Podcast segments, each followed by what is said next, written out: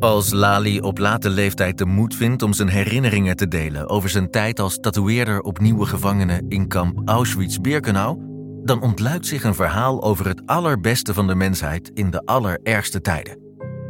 De unieke relatie tussen Lali en Gita vormt een rode draad door deze zesdelige serie. Ontberingen, haat, liefde, vluchten, hopeloosheid en uitzichtloosheid zijn het fundament voor dit ruim 80 jaar oude verhaal dat tijdloos is en herkenbaar blijft. Kijk de indrukwekkende serie The Tattooist of Auschwitz vanaf 7 juni exclusief op Sky Showtime. Koffietijd voor Mannen, de podcast waarin drie onbezonnen gasten je wekelijks een kijkje geven in hun zinderende studentenleven. We gaan geen onderwerp uit de weg en helpen je op het gebied van liefde. Zou je huilen tijdens de seks een, een, een afknapper vinden? Vriendschap en alle andere problemen die je tegenkomt in je studentenleven. Ze miste een beetje vo. Elke maandag om drie uur sharp op je favoriete podcastplatform. Ik heb met zoveel meiden getongd. Echt met vier verschillende. Ik zo, Bram, dat was vier keer dezelfde. Beluister deze podcast op eigen risico. Vind je dit een leuke podcast? Luister dan ook naar Veldheren Historisch. Die maak ik, Mart Kruif, samen met mijn zoon en geschiedenisleraar Tom de Kruif. Je hoort het al, wij doen dingen die je bij andere podcasten niet hoort. Oftewel, to boldly go where no one has been before. Zo behandelen we ook de slag om Alesia, waar Julius Caesar van twee kanten door de Galliërs werd aangevallen. Hij zou zo'n 1 miljoen Galliërs hebben uitgemoord. En Asterix en Obelix klopt niet. Zeker, en zo bespreken we ook markante veldheren en legendarische veldslagen uit de geschiedenis. Zo kom je bijvoorbeeld te leren waarom het jaar 1870 misschien wel het belangrijkste jaartal is in de geschiedenis. Luister dus Veldheren Historisch via Podimo. En als je je aanmeldt via podimo.nl slash veldherenhistorisch, dan luister je 30 dagen gratis. Veldheren is een productie van Corti Media en WPG Studios. Kortie Media. Welkom terug bij Veldheren, de podcast waarin generaals buiten dienst Peter van Um en Marten Kruijf je elke week meenemen voorbij de frontlijn in Oekraïne. Mijn naam is Jos de Groot en vandaag staan we uitgebreid stil bij de ontwikkelingen van de afgelopen weken. Wat heeft het Oekraïense offensief tot nu toe opgeleverd? Hoe staan de Russen ervoor? En wat verandert er aan de manier waarop de beide partijen elkaar bestrijden? Je luistert naar Veldheren.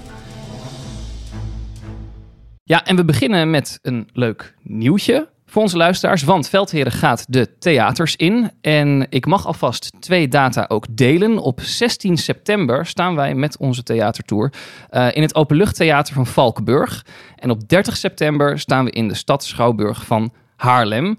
Dit najaar komen er nog meer data, meer speelsteden bij. Daarover houden we je natuurlijk op deze plek op de hoogte. Eh, kaarten voor die eerste twee avonden die zijn nu te koop via de website van het theater of kijk op kortimedia.nl slash live. Die linkjes vind je dan weer in onze show notes. Peter, we gaan het theater in. Ja, ik moet lachen, want eh, je, je verrast me een beetje met de term speeldagen en speelsteden. Want volgens mij gaan Maarten en ik helemaal niet spelen. Wij, eh, wij, zijn, wij zijn onszelf Eh, eh, en wij gaan eh, met onze vakkennis eh, gaan wij eh, het publiek gewoon eh, nog beter duiden. Eh, ja, wat er nou in Oekraïne aan de hand is en wat er allemaal omheen speelt. En, ja, en ik heb eerder theatercolleges gedaan en ik vind het hartstikke leuk om eh, eh, die rechtstreekse interactie met het publiek te hebben. En eh, ja, net zoals toen zullen we nu ook gewoon eh, tijd en gelegenheid eh, eh, inplannen. Zodat ook het publiek ons met vragen kan verrassen. En dan krijgen ze een, eh, een eerlijk eh, antwoord. En een mooie inspirerende avond, denk ik. Mart, zin in? Ik ga het allemaal zien. Ja, ik heb er super veel zin in. Ik heb het gevoel alsof ik eh, de schaats zonder heb en de Elfstedentocht ga rijden. Dus de opgeronde gevoel heb ik. Lijkt me hartstikke mooi om te doen. Als het me doorgaat. It get on. Volgens mij wel. Eh, hartstikke veel zin in. Kijk dus op kortimedia.nl slash live. Eh, Haarlem en Valkenburg, daarvoor zijn kaartjes te koop. En daar gaan we iets moois van maken. En nu eerst de podcast. Na een maand zijn we terug in onze opnamestudio in eh, Nijmegen. Goed om er weer te zijn, Peter. Ja, zeker. Ja, ja, ja het is toch mijn thuisstad. eh, dus eh, wat dat betreft ben ik niet helemaal objectief, vrees ik. Veel te bespreken ook. Ehm, wij zijn vier weken tussenuit geweest. Om te beginnen, hoe hebben we de oorlog vier weken geleden achtergelaten? Wat, wat was toen de stand van zaken? Ja, dan kunnen we eigenlijk gelijk zeggen dat het ook de stand van zaken van nu is. Want eh, toen ik die vier weken terugkeek, was mijn conclusie uiteindelijk dat er heel veel gebeurd is. Maar dat in de loop van de frontlijn eh, eigenlijk heel weinig, betrekkelijk weinig, eh, veranderd is. Dus als je naar de frontlijn kijkt, dan zou je bijna zeggen dat er niet zo heel veel gewijzigd is tot vier weken terug. Maar nogmaals, van beide kanten eh, is er aangevallen. Eh, ehm, van beide kanten is er eh, eh, hard en strak verdedigd. En van beide kanten is er ook veel eh, geleden. En wij, wij zaten een beetje te wachten op de grote doorbraak in het Ja. Oekraïnse offensief, wat toen toch wel echt was begonnen. Ja. Die hebben we niet gezien. Nee, maar ik, ik, ik denk dat we één conclusie moeten trekken achteraf. En dat is, als deze oorlog lang gaat duren, gaat één factor cruciaal zijn. En dat is de factor mens. En het is een beetje een touwtrekwedstrijd, waarbij zeg maar, drie Russen aan het ene eind van het touw trekken en twee Oekraïners aan de andere kant. Het is een kleine land en een kleine leger en houden ze aardig vol. Alleen er staan wel 30 Russen klaar om het touw over te nemen. En er staan maar 10 Oekraïners klaar om het touw over te nemen. Het is een veel kleiner land. En wat zich niet kunnen permitteren, is onnodig mensen te verliezen. Dus je ziet dat de wijze waarop ze aanvallen er zoveel mogelijk op is gericht om, als je uiteindelijk aanvalt, de Russen zodanig in een positie hebben dat ze heel weinig terug kunnen. Dus eigenlijk is de tactiek van één grote stap ingeruild voor honderd kleine stapjes, omdat je zuinig op je mensen moet zijn. Ja, en ik heb, ik heb ooit nog eens gesproken over het ongeduld, eh, waar eh, ook vragen over zijn gekomen. Ja, Maar, van de eh, Oekraïners moeten nu een keer komen. Ja, ja, ja, nou ja maar ik snap wat ze doen. En ja, als je dan nu ook hoort ja, hoe de Russen een verdediging hebben ingericht in die zogenaamde Surovikin-lijn. Ja, als je dan aantallen hoort van eh, hoeveel mijnen ze neerleggen. eh, wat, eh, ik, kijk even naar Mart, maar in onze ogen vol- volslagen absurd is. Want zoveel mijnen op een vierkante meter heb je helemaal niet nodig om, om een gepantserde eenheid tegen te houden.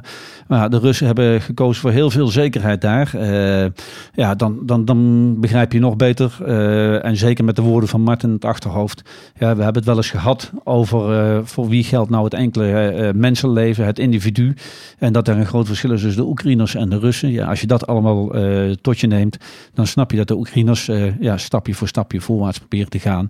Om ook eh, het verlies aan mensenlevens gering te houden. Want ja, dat Mart duidt op een woord wat wij als militairen veel gebruiken. Dat is uiteindelijk het voortzettingsvermogen. En ja, daar staat de Oekraïne natuurlijk altijd gezien de omvang van de bevolking achter ten opzichte van de Russische federatie.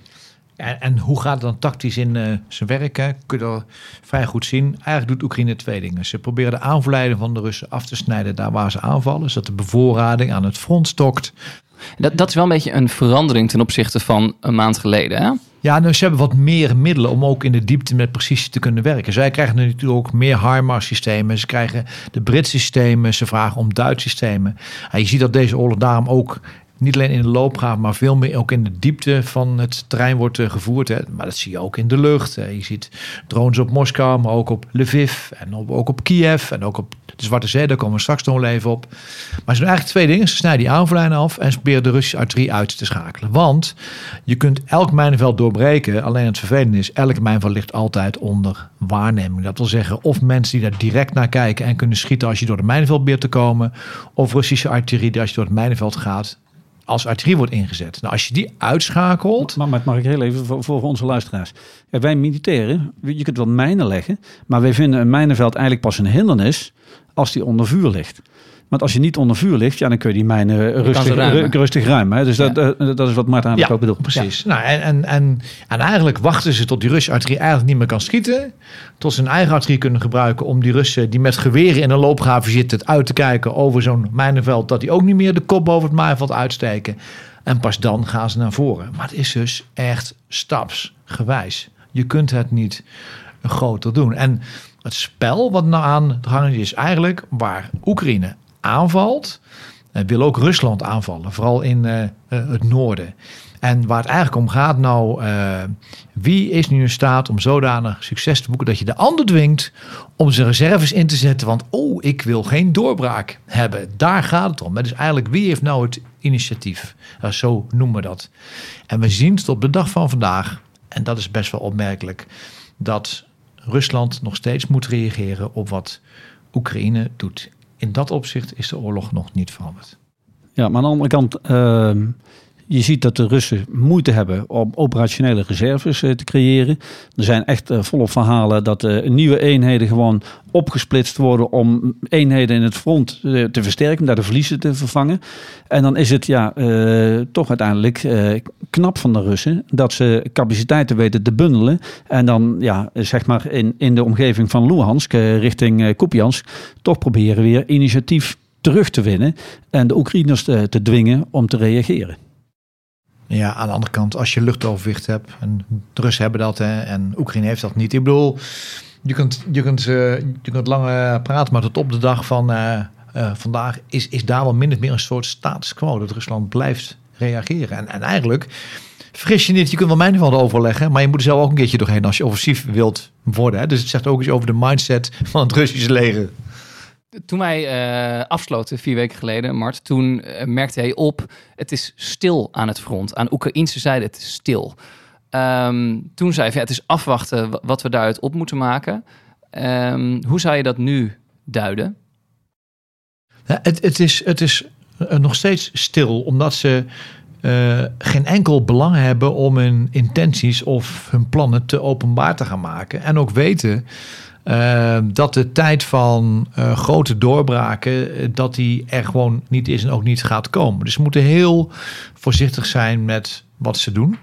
En er komt toch iets anders bij dat deze oorlog is breder aan het worden dan het slagveld. Deze oorlog gaat steeds meer zich ontwikkelen naar, naar, een, naar een totale oorlog. Wat, wat bedoel je met een totale oorlog? Dan bedoel je dat je eigenlijk alle middelen die je hebt, niet alleen militair, maar ook politiek, economisch, financieel, allemaal gebruikt om de oorlog in je voordeel te laten kiepen. Het stoppen van de graandeal van de Russen, het daaruit uh, voortkomende uh, aanvallen van havens zoals Odessa, heeft allemaal daarmee te maken. De uitbreiding van het gevechtsveld naar de Zwarte Zee heeft daar ook allemaal mee te maken. Dus die oorlog ook nog eens een keer breder dan de loopgraaf. Ja, en dan wordt het ook stiller wat er in de loopgraaf gebeurt. Dan zie je dat de dimensie ook anders wordt. Gebeurt er minder in de loopgraaf? Ik, denk dat, ik vind dat een hele goede vraag hoor, op dit moment. Want de schattingen van de Amerikanen zijn dat aan beide zijden, en dat is een lage schatting, al meer dan 100.000 mensen zijn gesneuveld. Probeer dat eens uit te leggen wat er elke dag gebeurt. Dan sneuvelen elke dag honderden mensen aan beide kanten. Honderden mensen. En dan praat niet eens over gewonden. Plus nog het feit dat de Verenigde Naties zegt dat er bijna 27.000 burgerdoden zijn. En dat is een hele lage schatting, want de Verenigde Naties is nog lang niet overal geweest. dus deze oorlog is niet stil. Ik zou bijna zeggen, im Osten niets nieuws. Maar voor de luisteraars, want anders wordt het woord stil misschien verkeerd geïnterpreteerd. Uh, iedere dag wordt er gevochten. Iedere dag zijn er aanvallen van de een of de ander. Uh, uh, verdedigt de, tegenpartij. Uh, iedere dag zitten ze in de loopgraven naar elkaar te kijken. en wordt er bikkelhard gevochten om iedere centimeter grond. Dus dat, dat moeten we wel helder blijven houden. En ja, je ziet toch dat in de media en in onze samenleving er minder aandacht is voor wat, wat er in Oekraïne speelt. Maar dat zegt niets over wat er daar aan de hand is. Nee. Er gaan ook wel stemmen op die zeggen: het Oekraïnse offensief is eigenlijk mislukt. Hoe kijken jullie daarnaar? Ja, ik, uh, ik vind dat een uh, constatering waar ik nog niet aan toe ben. Mm -hmm. uh, en ja, ik, ik, ik, trok toen ik dat soort dingen las, trok ik gelijk een parallel met uh, de operatie Market Garden in de Tweede Wereldoorlog. Uh, dat was uh, de operatie waarbij de geallieerden als ongeveer tegen de Belgisch-Nederlandse grens aanzaten. En Montgomery het briljante plan had om in één keer door te stoten via Eindhoven, Zon, Graven, Nijmegen naar Arnhem. En dan zo de Duitsers de pas af te snijden. En een heleboel mensen zeiden dat die operatie mislukt is, want ze hebben de brug bij Arnhem niet bereikt. Maar mijn schoonouders werden in Nijmegen bevrijd. En ga die maar eens vertellen dat die operatie mislukt is. Dus het is maar hoe je tegen dit offensief aankijkt. En als je het perspectief neemt wat Mart net schetst, dan denk ik dat de Oekraïners nog steeds goed bezig zijn. Ja, en ze op een hele verstandige manier eh, proberen toch uiteindelijk eh, een, ja, een doorgang te vinden. Eh, en natuurlijk nog meer succes te boeken. Maar ze doen het wel op een manier waar die hun het minste mensenlevens en minste schade eh, kost, om het zo maar te zeggen. Ehm, dus voor mij eh, is het nog, nog niet mislukt. Uh, en, en, zullen we nog steeds moeten afwachten. Maar er zit ook een risico bij en eigenlijk een vraag voor ons. Het risico is, ehm, kan Oekraïne het lang genoeg volhouden? Want Poetin eh, stuurt deze oorlog echt aan op tijd. Hij heeft meer mensen, hij heeft natuurlijk zijn eigen industrie gemobiliseerd. Ehm, we hebben China dat hem indirect helpt. Eh, we hebben natuurlijk Noord-Korea, Iran die hem helpen. Ja, dan, dan eh, is de vraag, ehm, houden wij in het Westen het vol om Oekraïne te blijven steunen tegen Rusland? Nou, er komen verkiezingen aan in eh, de Verenigde Staten. Inmiddels hebben we vijf aanklachten lopen tegen Trump. Maar politiek stabiel is het land zeker niet. Dus we weten niet wat eruit gaat komen. Dus de vraag is of Oekraïne wel gebaat is bij een oorlog die lang duurt. En de cruciale antwoord erop wordt eigenlijk moet door Europa worden gegeven. En zijn wij als Europa in staat en hebben de wil om deze oorlog vol te houden? En Poetin schat ons in, dus laten we maar zeggen, als watjes. Hè, die vindt ons watjes. En die denkt op een gegeven moment gaat het Westen afbrokkelen en zijn er klaar mee. En, en, Dat denkt hij al an- anderhalf jaar. ja, precies. Dat is een cruciale vraag natuurlijk. En tot nu toe zien we dat niet. Hè? Dat zien we niet. Maar ja, eh, kijk wat er politiek gebeurt in Duitsland met eh, de AFD. eh, Nederland ook verkiezingen. Natuurlijk best veel dingen die het onzeker maken. Maar de cruciale vraag is, die wij ons stellen in Europa. wat gaan wij doen? Dat, dat is en de beantwoording van die vraag gaat invloed hebben voor de toekomst van onze kinderen en kleinkinderen. Ja. En daar, daar zitten de dempers, de Duitsers zitten weer bij een volgende drempel. Hè. Dat is eh, het wel of niet leveren van eh, de Taurus kruisraketten. Ja, die Taurus. Wat, wat, wat is dat precies voor raket? Het is een raket die ze af kunnen schieten vanuit vliegtuigen. En die een bereik van eh, zo'n 500 kilometer heeft. Eh, je kunt een beetje vergelijken met, we hebben het woord wel eens eerder laten vallen, de Amerikaanse Attackams. Eh, en de Amerikanen eh, willen die nog steeds niet, niet leveren. Terwijl de Oekraïners ze heel graag zouden willen hebben. Want ze kunnen daarmee eigenlijk het hele gebied wat de Russen bezet hebben, inclusief de Krim en Sebastopol, kunnen ze daarmee bereiken. Ja, en, Dus het is eh, echt een nieuwe range waarover het ja, ja dan nu nog kunnen ze toch iets verder komen. Ja. Maar ja, daar zit dan ook de vraag bij. als je 500 kilometer zegt, dan kunnen ze ook gewoon op het Russisch grondgebied, het oorspronkelijke Russisch grondgebied, kunnen, kunnen ze dan ja, aanvallen plegen.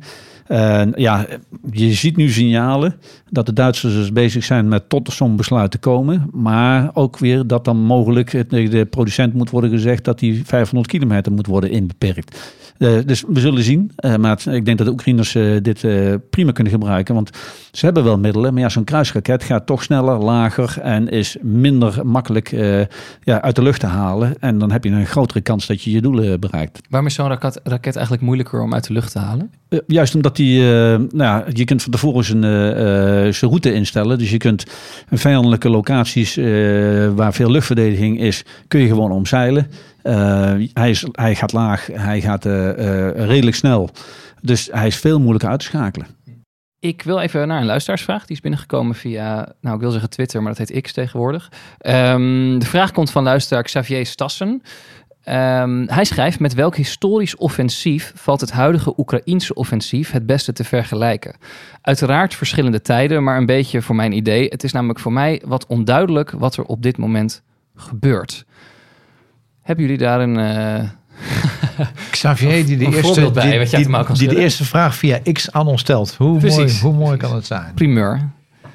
Nou, we hebben, ik geloof dat eh, Mart het was, die eh, wel eerder heeft gezegd dat toen de geallieerden waren geland in Frankrijk, hebben ze ook eigenlijk een, een paar weken eh, pas op de plaats gemaakt, min of meer, eh, voordat ze echt doorbraken. Toen ging het ook heel snel. En eh, misschien, misschien kun je daar nog een beetje mee vergelijken.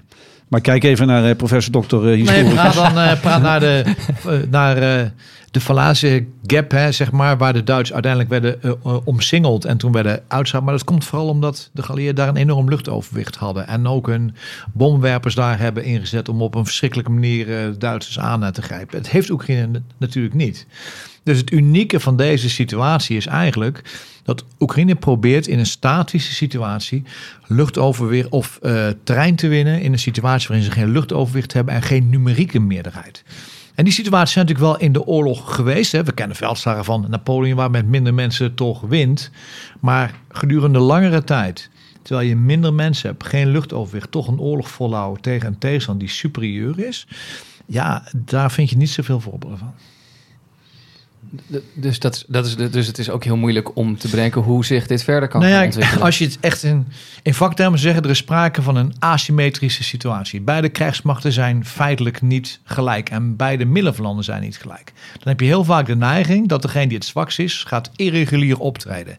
Hè, dus die gaat niet in de loopgraven vechten en militaire operaties blijven uitvoeren, maar die gaat de kracht van tegenstander ontwijken. Dan moet je denken aan guerrilla-tactieken, sabotage, praktijken, dat soort dingen. Dat, dat zien we niet gebeuren. Dit blijft een volhoud. Conventionele oorlog blijft dat. Ja. En dat in, wat, wat dat betreft, ik moet er even over nadenken. En soms schiet me iets te binnen. Vanavond schiet me vast oorlog te binnen. waarbij ik, eh ik zeg even goed we de kan volgende op geven. Ja. Maar op dit moment is dat vrij uniek. Ja, en ehm, ik, Peter gaf er net antwoord op, maar wat vind jij van die analyse dat het Oekraïense offensief mislukt zou zijn? Of zeg je ook dat is te vroeg om te zeggen? Ja, ik hang daar geen eh, etiketten aan. Ehm, als, je naar het hele grote plaatje kijkt, hè, dan zijn de bevoorradingslijnen voor de Russen via de Krim zijn steeds moeilijker te gebruiken. Dus worden ze gedwongen om, dat noemen ze dan de ground lines of communication, de bevoorradingslijnen, door Oekraïne te gebruiken, door Donetsk. Nou, die duren langer, dat is één. En die worden aangegrepen door de Oekraïne, dat is twee. Dat betekent eigenlijk dat je heel langzaam probeert de Russische krijgsmacht in zijn vermogen aan te tasten. En dat effect kun je nooit gelijk zien. Het is niet één klap en dan, en dan is het raak. Dit is een oorlog die echt op de tijdsas wordt gespeeld, ook in dat opzicht. Dus over vier weken kunnen we zitten en is de situatie nog hetzelfde. Maar het zou ook zomaar kunnen dat je in een sector van het front wel een doorbraak hebt. Ik weet het niet. In elk geval zien we het resultaat dat na bijna anderhalf jaar oorlog, dat vergeten we wel eens, hè? eh, met een enorme krijgsmacht, wat Rusland heeft, ze nog steeds niet in staat zijn om Oekraïne de wil op eh, te leggen. Dat is het enige wat een feit is. Terwijl wat er nu wel gebeurt, eh, Peter, jij noemde net de naam van eh, de Oekraïns- Oekraïnse plaats Kupiansk. eh, waar we zien dat de Russen ook wel degelijk een tegenoffensief, of iets wat lijkt op een tegenoffensief voeren. Hè? Ja. Is dat opmerkelijk? Nou, ik, ik zei al eh, dat de Russen toch in staat zijn om in ieder geval middelen daar te groeperen om te proberen daar het initiatief te pakken. En eh Kupiansk is wel de ene grootste stad van, eh, van Oekraïne. Eh, was al een keer bezet. Eh, de Oekraïners hebben die terugveroverd. En eh, nu proberen de, de Russen daar toch weer eh, de Oekraïners te dwingen om te reageren. En eventueel reserves ergens anders weg te halen. Om de verdediging daar eh, te versterken. En ehm, ja, dan zie je ook, je krijgt nu signalen dat daar ook weer Tsjetsjenen worden ingezet. eh, eh, van de Akhmat-eenheden eh, van Kadyrov, hè, de, de baas van Tsjetsjenië. Je krijgt ook verhalen dat ze zuid van Zaporizhzhia zijn ingezet. Je, ziet nu dat dit soort makkers ook weer op hotspots worden, worden ingezet. Ja, duidt dat nu op het gebrek aan Russische capaciteit? Of wil Kadyrov gewoon een wit voetje halen bij Poetin? Zeg het maar. En om Xavier een beetje te helpen, zei het in hindsight, juist daar, hè, bij die Svatov Kremlin-lijn bij Kupiansk, daar is in eh, de Tweede Wereldoorlog de derde slag om Kharkov eh, ges- gestart. En heeft von Manstein uiteindelijk heel veel Russen uitgeschakeld. Echt de laatste grote overwinning geweest van de Duitsers. Omdat het trein daar zo gunstig is voor offensief optreden. Nou, hebben we toch iets gevonden. Kijk, goed. Wat, zijn dit, als we, als we echt even eh, op, op de grond inzoomen, wat zijn op dit moment meer plaatsen, steden waar, waar echt op de grond flink wordt gevochten? Nou, wij hebben dus eh, zeg maar offensief handelen voor Oekraïne zien we op een aantal plekken. Dat is bij Bakhmut, apart eh, verhaal. Nog dat, steeds. Is, dat is nog steeds een apart verhaal. De symbolische betekenis blijft, blijft toch daar. De strategische betekenis overheersen. Omgeving van Donetsk, vandaag ook weer een kleine nederzetting veroverd door eh, Oekraïne. Omgeving van Zaporizhia. En Zaporizhia hangt ook wel een beetje samen met Gerson. Want omdat eh, de Russen zijn gedwongen, en daar gaat hij om reserves uit de omgeving Gerson naar Zaporizhia te gaan sturen. Eh, zijn er, is er ook een brughoofd gevormd door eh Special Force van Oekraïne aan de oostzijde van de rivier de Dnipro. Maar dat is geen grootschalig offensief, er is geen sprake van een brughoofd, maar het hangt wel mee samen. En, en de Russen vechten dus, zoals Peter zei net, in omgeving van Kupiansk, dat helemaal nog noord van Bakhmut. Wat hebben jullie eigenlijk gezien van de inzet van het westerse materieel? En hoeveel is er nog van over? Nou ja, het la- laatste bericht eh, wat ik zag was, dacht ik, de New York Times, die eh, oh, zich baseert op Amerikaanse bronnen. eh, waarbij ze zei dat zo'n 20% van het westerse materieel nu wel vernietigd is. Maar, maar het blijft lastig. Ik heb ooit eens een keer gezegd dat ongeveer de helft van de eenheden die met westers materieel zijn opgeleid, dat die zouden zijn ingezet. Het is momenteel heel moeilijk om daar een, een te maken. En de Oekraïners ja, doen het gewoon goed. Die laten daar niks over los en proberen dat zo stil mogelijk te houden. Schrik je daarvan, die 20% als, de- als we daarvan uitgaan? Nee, als je kijkt naar de intensiteit van de gevechten, eh, ehm, is, ja, natuurlijk schrik ik ervan, want Mm. dat betekent ook dat er een heleboel mensen gesneuveld Mm. zijn. Eh, maar dan, dan is het wel een aantal, eh, ja, wat, wat ik wel begrijp. Wat we wel zien is dat ehm, er wel een verschil is tussen een voertuig uitschakelen en de bemanning vernietigen. Veel westerse eh, voertuigen hebben toch wel zodanig veiligheidssystemen. Dat als bijvoorbeeld zo'n Amerikaans panzervoertuig Bradley door een mijnenveld rijdt. Ja, dan heb je kans dat de trekker afslaat en een loopwiel eraf slaat. Maar de manning die kan er meestal toch wel veilig, eh, veilig eh, uitkomen. En een aantal van die voertuigen kun je ook nog wel repareren. Het zijn wat robuustere voertuigen als je het wasje pakt over het algemeen heeft gebruikt. En dus de Russen vooral nu inzetten. Maar het is hartstikke logisch. Zeker als je aanvalt, hè, dat je meer verlies hebt als dat je verdedigt. Ja. Opvallende verschuiving op het slagveld is dat de Zwarte Zee steeds meer oorlogsterrein aan het worden is. Hoe is dat eigenlijk zo gekomen? Ja, primair natuurlijk door de graandeal. Mhm. Eh, want de gaande heeft ertoe eh, geleid dat Rusland de oorlog heeft uitgebreid om alternatieve exportmethoden via de havens, Odessa en kleinere havens richting Roemenië, om die tegen eh, te gaan. En Oekraïne heeft erop gereageerd door eh, zelfs zeedrones eh, in elkaar te gaan lassen, zeg maar. En niet denigerend bedoeld, want het is ontzettend knap dat je op dat soort afstanden met zulke precies dat soort wapens kunt inzetten. En dus een heel groot Russisch landingsvoertuig, maar ook een Russische tanker daarmee hebben aangevallen. En daarmee heb je eigenlijk de escalatie in de Zwarte Zee. Dat is best wel gevaarlijk. Om twee redenen. Het is voor een deel ook internationale water en internationaal luchtruim. Hè. Dus waar ligt precies de grens? En het tweede is, eh, drie NATO-landen, Bulgarije, Roemenië en Turkije, grenzen ook aan eh, de Zwarte Zee. Dus voordat je het weet, heb je daar een eh, incident waar je wel eh, prudent mee moet omgaan. Dus dat is een andere dimensie. Maar volgens mij ligt de startval in de graandeel. Ja, in dat soort situaties is een vergissing per ongeluk of expres snel gemaakt. Eh, en dan, dan is het wel handig eh, dat in de civiele scheepvaart in ieder geval alle schepen met hun responders aanvaren. Zodat je ook weet welk schip het is, eh, waar die vaart, met welke lading. Zodat je daar in ieder geval zoveel mogelijk misverstanden mee voorkomt. Maar aan de andere kant, of voorkomt, aan de andere kant, ja, Oekraïne wordt daar toch economisch hard getroffen. Ehm, de wereld heeft daar ook last van, van die graandeal die niet doorgaat. Eh, laat dat ook duidelijk zijn. En de Oekraïners laten dan ook wel weer terugvoelen aan eh, de Russen. Van ja, als jullie hier vervelend doen, dat kunnen wij ook. En eh, het is dus ook geen vrije doorvaart voor de Russen daar. Ik, ik las bij de, bij bij de NOS was het. Er werd geschreven of het nu gaat om een olietanker, vrachtschip of een civiel bootje. De strijdende partijen beschouwden ze inmiddels allemaal als legitieme militaire doelwitten. Zijn dat ook allemaal legitieme militaire doelwitten? Goed, dat is een eh, juridische vraag. Nee, eh, kijk, volgens mij gaat het om een aantal zaken. A, in wat voor va- eh, wateren vaar je? Oekraïns territoriale wateren, Russisch territoriale of internationale territoriale wateren. In het laatste geval kan er nooit sprake zijn van een legitiem doel. Never. In de Oekraïnse wateren moet je me afvragen wat dan de lading is van zo'n schip. Wat is de portée? Wat zit erin? Er kunnen ook humanitaire goederen in zitten of andere dingen kunnen daarin zitten. Dus een heleboel juridische vraagtekens. In elk geval is het niet juridisch dat je een boycott kunt afkondigen over het transport van schepen over zee in internationale wateren. Hè, dat weten we wel. Nee, maar we weten dat de Russen vanaf schepen met raketten eh, Oekraïne aanvalt. Die schepen kunnen zomaar in internationale wateren varen. En dan zijn ze wel degelijk een legitiem doel, ook in internationale wateren. Eh, als zij eh, deel van het conflict zijn of bijdragen aan het conflict, dan denk ik dat je die schepen gewoon mag aangrijpen. En, en nu hoor ik jullie in dit gesprek, en dat is ook niet voor het eerst, eh, de, de analyse van deze oorlog duurt lang. En die gaat nog heel lang duren. Martje hebt het net nou over, over het voorjaar, volgend jaar dus, als er misschien F-16's in de lucht hangen. Eh, grote vraag is dan natuurlijk, ook met alle verliezen die jullie net noemen, gewonden, doden. ehm, hoe houden zowel de Russen als de Oekraïners hoe hou je je soldaten scherp, gemotiveerd? Hoe doe je dat? Ja, en hoe hou je voldoende soldaten? nou, als we ehm, naar Oekraïne kijken, dan krijgen we toch wel degelijk signalen dat ook vanuit de bevolking en vanuit de media dat eh, het werven van soldaten bij het wel lastig begint te, eh, te worden in de Oekraïne. Eh, dus het potentieel van mensen die echt bereid zijn, daar zijn ze al behoorlijk in aan het graven.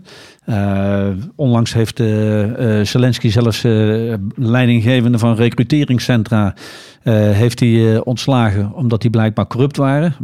mensen hielpen met het ontwijken van de dienstplicht of andere zaken wat ze deden. Dus ook in de Oekraïne is het, eh, is gewoon lastig. Maar als we naar Rusland kijken, ja, daar zie je dus nog steeds dat er met name ja, getrokken wordt aan uh, ja, militair geschikte mannen uit minder ontwikkelde gebieden. En daar, daar doen ze erg hun best voor. Er zijn, je krijgt nu weer allerlei nieuwe signalen dat er in dat soort regio's weer nieuwe acties worden gedaan om toch vooral te recruteren. Je ziet zelfs nu signalen dat voor de Nationale Garde, hè, dus uh, zeg maar het privéleger van, van Poetin, ook weer acties worden opgestart. en ja, ik las nu toevallig net nog dat er ook allerlei ja, nogal erg nationalistische figuren daar opeens leidinggevende functies krijgen om meer van dat soort mensen aan te trekken. Nou, wat voor een griezelscenario moet daar nou weer uit, uit voortkomen. Maar er stond onlangs een, een ja, in, in de kranten een uh, aardig onderzoek naar uh, hoe ze ook financieel uh, proberen mensen binnen te halen. En ja, dat was, vond ik toch wel redelijk verbluffend, moet ik zeggen. En ik heb het, ik heb het maar opgeschreven. Okay, er komt een notitieboekje. ja, ik moet, nu, ik moet even maar mijn boekje met. Mijn Voor de mensen thuis, nu komt het rode boekje tevoorschijn. Ja, ja toevallig is het rood, maar mijn boekje Pinter er even bij gepakt. Want uh, in dat onderzoek, uh, de NRC had het trouwens gepubliceerd, maar het is een onderzoek, een internationaal onderzoek. En daar hadden ze een voorbeeld genomen van een Rus uit zo'n onderontwikkeld gebied. Die gemiddeld verdient die zo'n 400 euro per maand. als voorbeeld. Als die tekent als militair bij de Russische strijdkrachten, dan krijgt hij 1900 euro per maand. Dat is 1500 meer. Toevallig vandaag werd bekend dat een van die private military companies, niet Wagner, maar Convoy, die betalen 2 tot 3000. Ja, dus die betalen nog meer dan de krijgsmacht. Uh, maar je krijgt niet alleen dat maandsalaris. Nee, als je tekent, krijg je gelijk een maandsalaris extra voor het feit dat je tekent. Dus dat is ook nog eens een keer 1900 euro. Tekengeld in het voetbal. Dat is tekengeld, ja, ja net als bij het voetbal. maar nou komt die, en dat is niet bij het voetbal. Want ze hebben uh, iets overgenomen van wat Wagner al deed. En uh, die zegt namelijk ook, als jij uh, duidelijk aantoonbaar door de, je gevechtsomstandigheden in het gevecht overlijdt, dan compenseren we jou en je gezin nog eens even extra. En, uh, en dan komt het er eigenlijk op neer dat het leven van een man meer waard is als hij dood is, dan dat hij blijft leven. Want wat er dat onderzoek aantoont is dat je namens de president krijg je nog eens een keer zo'n kleine uh, 50.000 euro. Namens de strijdkrachten krijg je nog eens een keer zo'n kleine 50.000 euro. En jouw regio doet er nog eens een keer 10.000 tot 30.000 euro op. Je vrouw die krijgt dan een militair pensioen van zo'n 200 euro per maand. Uh, je krijgt per kind nog een paar tientjes. Uh, je hypotheek, als je die hebt, wordt, wordt afgelost voor je. En als je vrouw niet hertrouwt, krijg je ook nog 60% korting op de energierekening. nou, dus, het wordt opeens financieel aantrekkelijk om, om te sneuvelen. Om te sneuvelen. Het wordt dus financieel aantrekkelijk gemaakt om, om, te, om te sneuvelen. En dan uh, koppel ik dat gelijk maar even aan wat, wat er nu recent weer uh, bekend werd uh, gemaakt. Dat, ja, we weten allemaal dat er een grote actie is geweest van onder andere Precaution voor Wagner om gevangenen uh, in zijn strijdkrachten te krijgen. Nou, recentelijk heeft een, uh, een Russische rechter bepaald dat als jij als gevangene de strijdkrachten ingaat, dan wordt ook jouw boetes en schulden die je hebt, die in schulden hebt, die worden je allemaal vergeven en die hoef je dan niet te betalen. Dus op allerlei manieren probeert men mensen toch bereid te krijgen om, om, om de strijdkrachten te gaan. En dan koppel ik dat maar gelijk aan het feit dat ze ook nog de wetgeving aan het veranderen zijn. Want de boetes voor het ontlopen van je dienstplicht die zijn vele malen hoger geworden. En de dienstplichtleeftijd is inmiddels naar 30 jaar opgetrokken. Uh, de oproepleeftijd voor reservisten is van 50 naar 55. Dit zijn toch allemaal signalen dat ze het moeilijk hebben om uiteindelijk hun eenheden gevuld te krijgen of nieuwe eenheden te maken. En ja, er zijn uh, echt tekenen dat, dat mensen zeggen van in het najaar zou er nog wel eens een nieuwe mobilisatie komen. En ze proberen nu alvast het beter neer te zetten dan de vorige keer. Dus aan, aan, beide kanten hebben ze problemen. En aan de Russische kant ja, trekken ze er nu wel heel hard aan. En een hele duidelijke voorbereiding op een lange oorlog. Nou ja, kijk. Als je naar uh, de geschiedenis uh, kijkt. Dan had je natuurlijk, uh, vroeger had je legers die goed werden betaald. Daarna werden het huurlingenlegers. Daarna kwam Napoleon met zijn levée en masse. Dus de motivatie en het nationalisme van de burger gebruiken om een sterk leger te bouwen. Nou, dit is weer een, uh, een mengelmoes met, met absurde betalingen om te zorgen dat je voldoende mensen werft. De vraag is, de cruciale vraag is, in hoeverre houdt zo'n beloning stand als je in de loopgraaf onder vuur ligt en jouw maatje naast jou sneuvelt? Dat is de cruciale vraag. Want dan kunnen ze thuis misschien goed worden beloond voor het feit dat jij sneuvelt op zich al een hele rare redenatie is, maar houdt de motivator aan stand. Wat we wel zien, en dat is wel interessant, is dat Oekraïne zijn eenheden roleert. En dat doet een beetje denken aan de Eerste Wereldoorlog. Een van de redenen volgens historici dat de Duitsers uiteindelijk deze oorlog hebben verloren, was dat Duitsers nauwelijks in staat waren qua menskracht om hun soldaten in de loopgraven te roleren. Die roleerden ze wel, maar tussen de eerste, tweede en derde loopgraven dan weer terug. Terwijl, zeker toen de Amerikanen kwamen, de Fransen, Britten en Amerikanen konden roleren. Dus mensen uit het front houden, mensen dingen kunnen verwerken, fysiek weer uh, laten herstellen. Uh, en dat doet Oekraïne wel bewust. Ook dat is overigens weer een teken dat ze zich voorbereiden op een lange oorlog. He, en daarom roleren ze ook dat weer in relatie met offensief. Je zet niet alles in op dit offensief, maar je bereidt je voor op een lange oorlog. Maar je ziet dus dat de Russen, die werken heel hard aan de tekenbereidheid. Ja.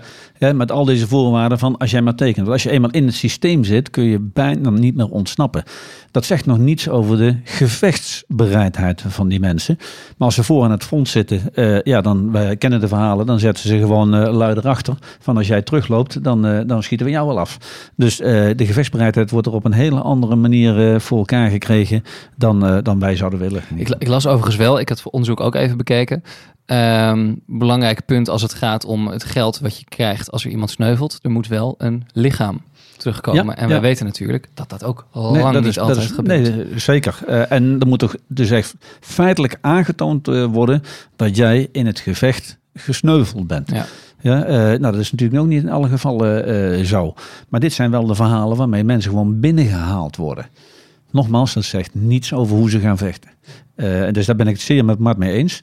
En uh, ja, er is ook nog een verschil tussen gevechtsbereidheid en sneuvelbereidheid. Ja, dat is wel een vraag die wel vaker terugkomt hè, in uh, de media. Dat de Nederlandse militairen niet sneuvelbereid zijn of militairen niet sneuvelbereid zijn. Ik kan je eerlijk zeggen, ik ben nog nooit een militair tegengekomen die zegt, nou, ik ben vandaag sneuvelbereid.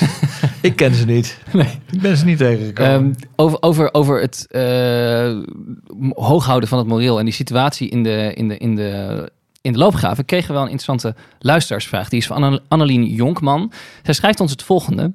Hoe blijven de manschappen eigenlijk gezond en schoon? Gemiddeld is 6% van de Nederlandse werknemers ziek. Dat zijn bij een grote uitzending toch al gauw tussen de 2 en 3000 mensen. En hoe zorg je bijvoorbeeld voor douches, riolering, voldoende schone kleding, hygiëne in het algemeen?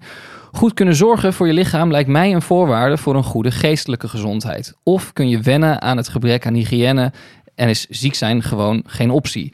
Ik ben nieuwsgierig naar die hele logistiek van verzorging. Hoe ziet 24 uur aan het front voor die mannen en vrouwen er precies uit? En is er wat dat betreft heel veel verschil tussen officieren en gewone soldaten? Kunt u daar iets over zeggen? het hoofd van Mart bij die laatste vraag. dat hadden mensen moeten kunnen zien. Nee, ik moest gelijk denken aan de Eerste Wereldoorlog. Waarbij uh, bij de Britten het verboden was voor generale stafofficieren. Dus officieren die een hoge rang hebben en hoog in de organisatie zitten. Om dichter dan 10 mijl van het front te komen. Want dat zou slecht zijn voor het uh, moreel. Nou, tot zover de uh, anekdote. Maar volgens mij moet je een aantal dingen hier even goed in de gaten houden. Eerst is militairen leren om te overleven op het gevechtsveld. Hè? Dus die, die kunnen zichzelf best wel goed verzorgen. En die kunnen langdurig met weinig omgaan. Maar je moet dan wel een periode hebben, daarom is het een hele goede vraag, om te recupereren. Dus om je oude kleding uit te gooien, nieuwe kleding te krijgen, te douchen, te herstellen, fysiek, mentaal. Absoluut waar. Hebben we het echt erg over gehad. Roleren is cruciaal. Het tweede is, even, maar want, eh, om te douchen. Wij hadden eh, in de Nederlandse krijgsmacht hadden we dus ook gewoon eh, tenten die je kon opzetten met douches erin. Als je eenheden dus uit het front haalde, dan konden ze daar gewoon douchen. Ja, en dan stond je je, gewoon, dan dag? stond je gewoon, eh, nee, elke dag, joh. Nee, ja, ik denk het niet. Nee. Ja. Nee, natuurlijk niet. Als je, als, als je zo, eh, zoals de Oekraïners een eenheid terughaalt, ja, dan kun je die eenheid doen. Maar degene die weken in het front zitten, die zien wekenlang waarschijnlijk geen douche. Nee. Nee, maar de- even de Ja. observatie van eh, wat... eh, Ja, maar dat lijkt me best pittig. Ja, en eh, die kun je ook ruiken, die mensen meestal lang aan het front hebben gezeten. En die kunnen ook minstens twee dagen met de onderbroek doen, maar dan kun je binnenste buiten keren. En dan kun je vrolijk verder. Dus, dus nee, maar over dat soort dingen overleven op het gevechtsveld, dat kunnen mensen, maar het heeft wel een impact. Nou is het zo dat in een krijgsmacht over het algemeen eh, je niet alleen eh, verliezen hebt door eh, eh, werking van de vijand, mijnenvelden, granaten, bom. Maar je hebt ook mensen die het inderdaad niet aankunnen. Dat noemen we dan non-battle casualties. Dat kan zijn fysiek. Nou, we kennen bijvoorbeeld loopgaafvoeten, dat je je voeten niet goed kunt eh, onderhouden. Het is nat of je wordt ziek. Dat gebeurt inderdaad, want je weerstand neemt af. Maar je hebt ook mensen die het gewoon psychisch niet trekken en die uit de loopgaven gaan. Dus er zijn ook militairen die door geen oorlogsomstandigheden niet meer in staat zijn om te vechten. Voordat je die weer terugkrijgt, dat is een heel lang proces. Eh, want de recuperatie daarvan doet niet in een paar dagen. Dat is weken, maanden, eh, soms zelfs jaren. Dus het is een hele mix hoe je mensen inzetbaar moet houden.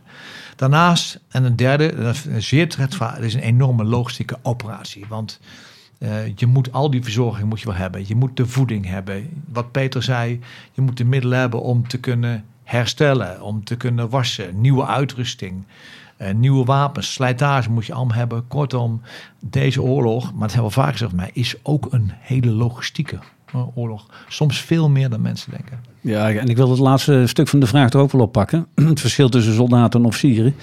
Eh, ja, ik, ik, weet niet eh, eh, hoe de luisteraars zich dat voorstellen. Maar eh, ja, als ik vroeger met eh, mijn, mijn, mijn, mijn troepen oefende, dan, eh, dan rook ik niet anders dan mijn soldaten.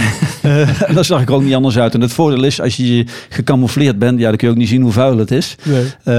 Maar meest, meestal kwam je erachter als je gewoon een, dan een keer een boterham had. En dan moet je vooral geen witbrood nemen. Want met- bij het witbrood zag je hoe vuil je handen waren.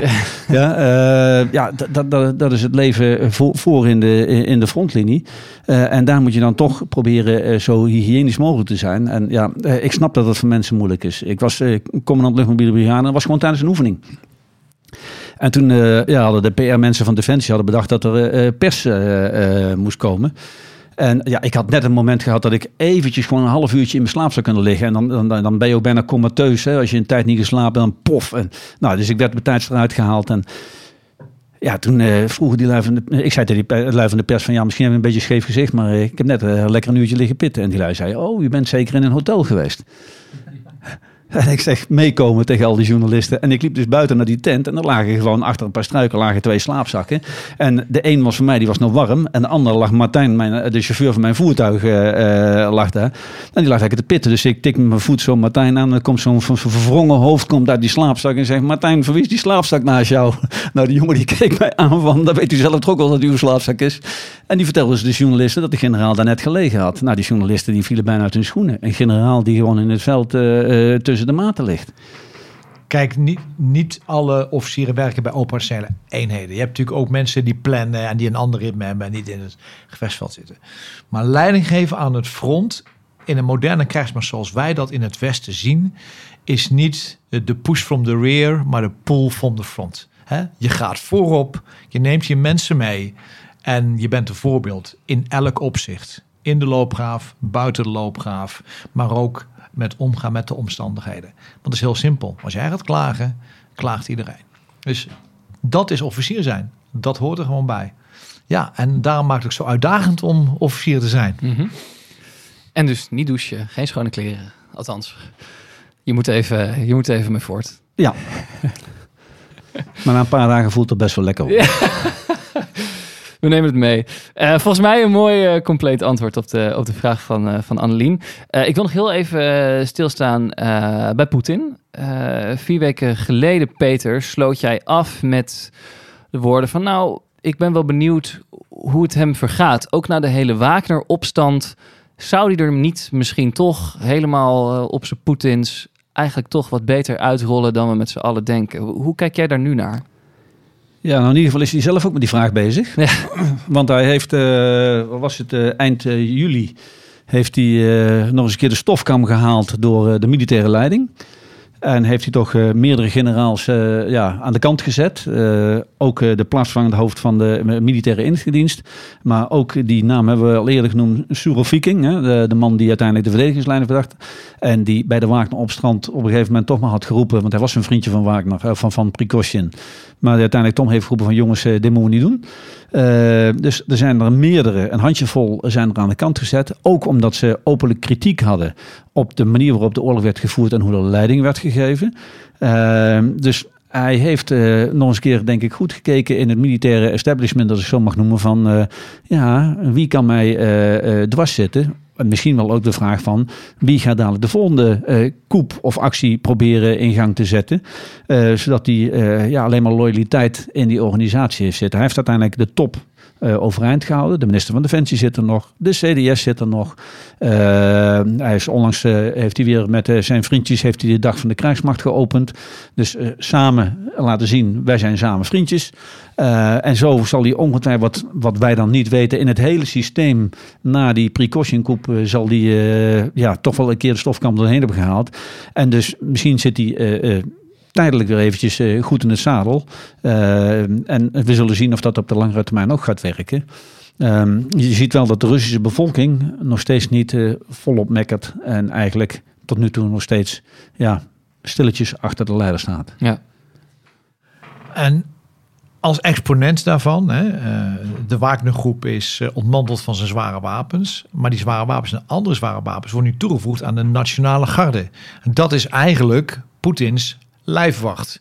Dus hij maakt daar eh, nog meer een capabele militaire eenheid met gevechtskracht van. Dat doe je niet als je een oneindig vertrouwen hebt in eh, de steun van de bevolking in jou. Hè? Dus het is wel een indicatie. Wil zeggen dat hij niet strak in het zaal zit? Nee, want hij heeft natuurlijk zijn macht is gebaseerd op repressie.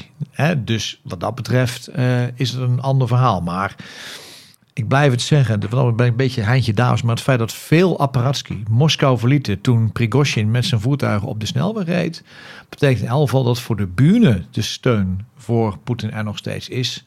Maar de vraag is, als die druk komt en het regime van Poetin gaat kraken, of die loyaliteit er nog zo is of buitengewoon vluchtig is. Is de Wagnergroep nog een factor van betekenis op dit moment?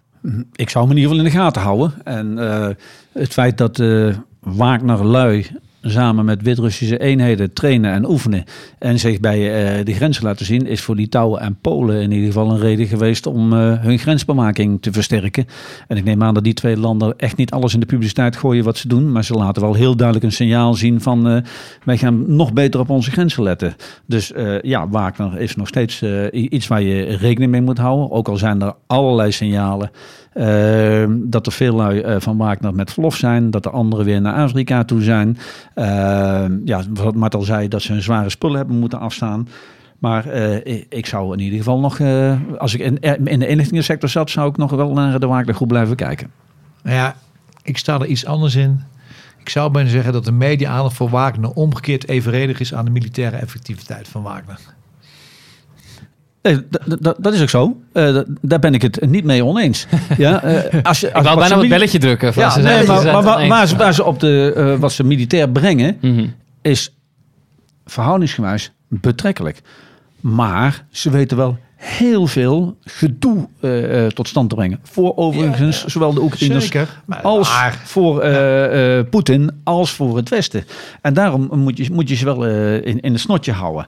er zijn ook nu meldingen dat Wagner zijn personeel aan het afschalen is. Omdat blijkbaar het ministerie van Defensie van de Russen nu niet meer betaalt. Eh, en eh, er waren ideeën dat Lukashenko zou gaan betalen. Die schijnt te zeggen van, nou dat doe ik nog even niet. Ja. Dus eh, ja, ik ja. zou ze in de gaten houden. Lukashenko is natuurlijk, doet wat Poetin wil. En er spelen ook wel politieke argumenten mee. Het feit dat Polen 10.000 mensen naar de grens stuurt... heeft ook te maken met dat er verkiezingen in Polen aanstaan te komen. Dat de regering zich wil profileren als... kijk eens, wij zijn krachtdadig en wij kunnen wel. Dus er speelt van alles mee. Maar Marten Kruijs zegt van die 100 Wagner mensen... die ergens langs de Poolse grens zwerven... nou, die slagen deuk in een bakje boter. Dan lig ik niet zo wakker. Als ze luisteren, dan eh, komen ze vast terug bij ons. Ehm, ik eh, wil eigenlijk nog eh, één vraag aan jullie stellen. Wa- wa- waar gaan jullie de komende week op letten? Welke vraag houdt jullie misschien het meeste bezig op dit moment? Nou, daar ga ik je een, eh, eh, een bijzonder antwoord op geven. Ik luister. Ehm, tijdens onze vakantie speelde mijn kleindochter van nog geen twee jaar met haar eh, regenbroek in het zand en was lekker bezig. Ik stond erbij te kijken en ze was heerlijk aan het spelen. Komt een jongetje aanlopen van een jaar of vier, vijf.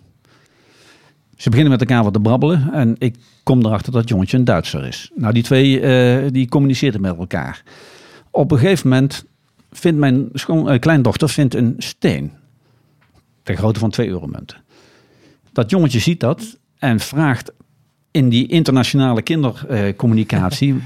mag ik die steen en steekt zijn hand uit. En mijn kleindochter aarzelt. En op een gegeven moment van haar schat, die ze net gevonden had. En op een gegeven moment geeft ze die toch aan dat jongetje. En dat jongetje begint die steen helemaal op te poetsen. Aan zijn kleren en met zijn handjes. En geeft hem dan terug. En ik dacht, waar raken wij als mensen dit kwijt? Hoe komt het dat wij in staat zijn om zoveel verschrikkelijke dingen tegen elkaar te doen, terwijl we als kinderen, zonder dat we elkaar taal spreken, ja, gewoon een hoop plezier kunnen hebben? Dus met andere woorden, gaan we dit nog zien in de komende maanden? Ik hoop dat we ooit weer eens eh, zover komen dat, eh, dat ze ook daar in ieder geval weer naast elkaar kunnen wonen. Ja, mijn antwoord ligt wel een beetje in het verlengde daarvan. Want kijk, wij krijgen verkiezingen in Nederland. En binnenkort worden partijprogramma's worden geschreven. En ik begrijp heel goed dat als je moet kiezen tussen een euro naar de zorg, een euro naar onderwijs of een euro naar defensie, de mensen zeggen doe maar een euro naar onderwijs of naar de zorg. Maar dat doen we in een context dat wij hier 80 jaar leven in vrede en vrijheid. Waar een gigantisch hoge prijs voor is betaald. Door ons, door ons volk en door vele anderen. En wat er nu aan de hand is, is dat die vrede en vrijheid die zo vanzelfsprekend was voor ons, is niet meer vanzelfsprekend. Als we vliegen naar Kos, naar een Grieks eiland, is net zo ver als naar Oekraïne. Waar een land met een democratisch gekozen regering, een vrij land, wordt aangevallen en vernietigd. Eigenlijk in onze achtertuin. En los van het klimaat, hè, dat bedreigt onze existentie, is dit ook iets wat onze existentie bedreigt. Voor ons, voor onze kinderen en voor onze kleinkinderen. En ik vrees een beetje, met grote vrezen, dat ik die urgentie niet terugzie in de verkiezingsprogramma's die eraan staan te komen. Dit vereist staatsmanschap, durf en moed om het goede op te schrijven wat moet gebeuren. En ik maak me de zorgen om of we wel beseffen wat deze oorlog betekent voor ons op lange termijn, ook in Nederland. Want er zijn krachten in deze wereld die vrijheid een gevaar vinden, die democratie een gevaar vinden en die alleen maar in macht denken.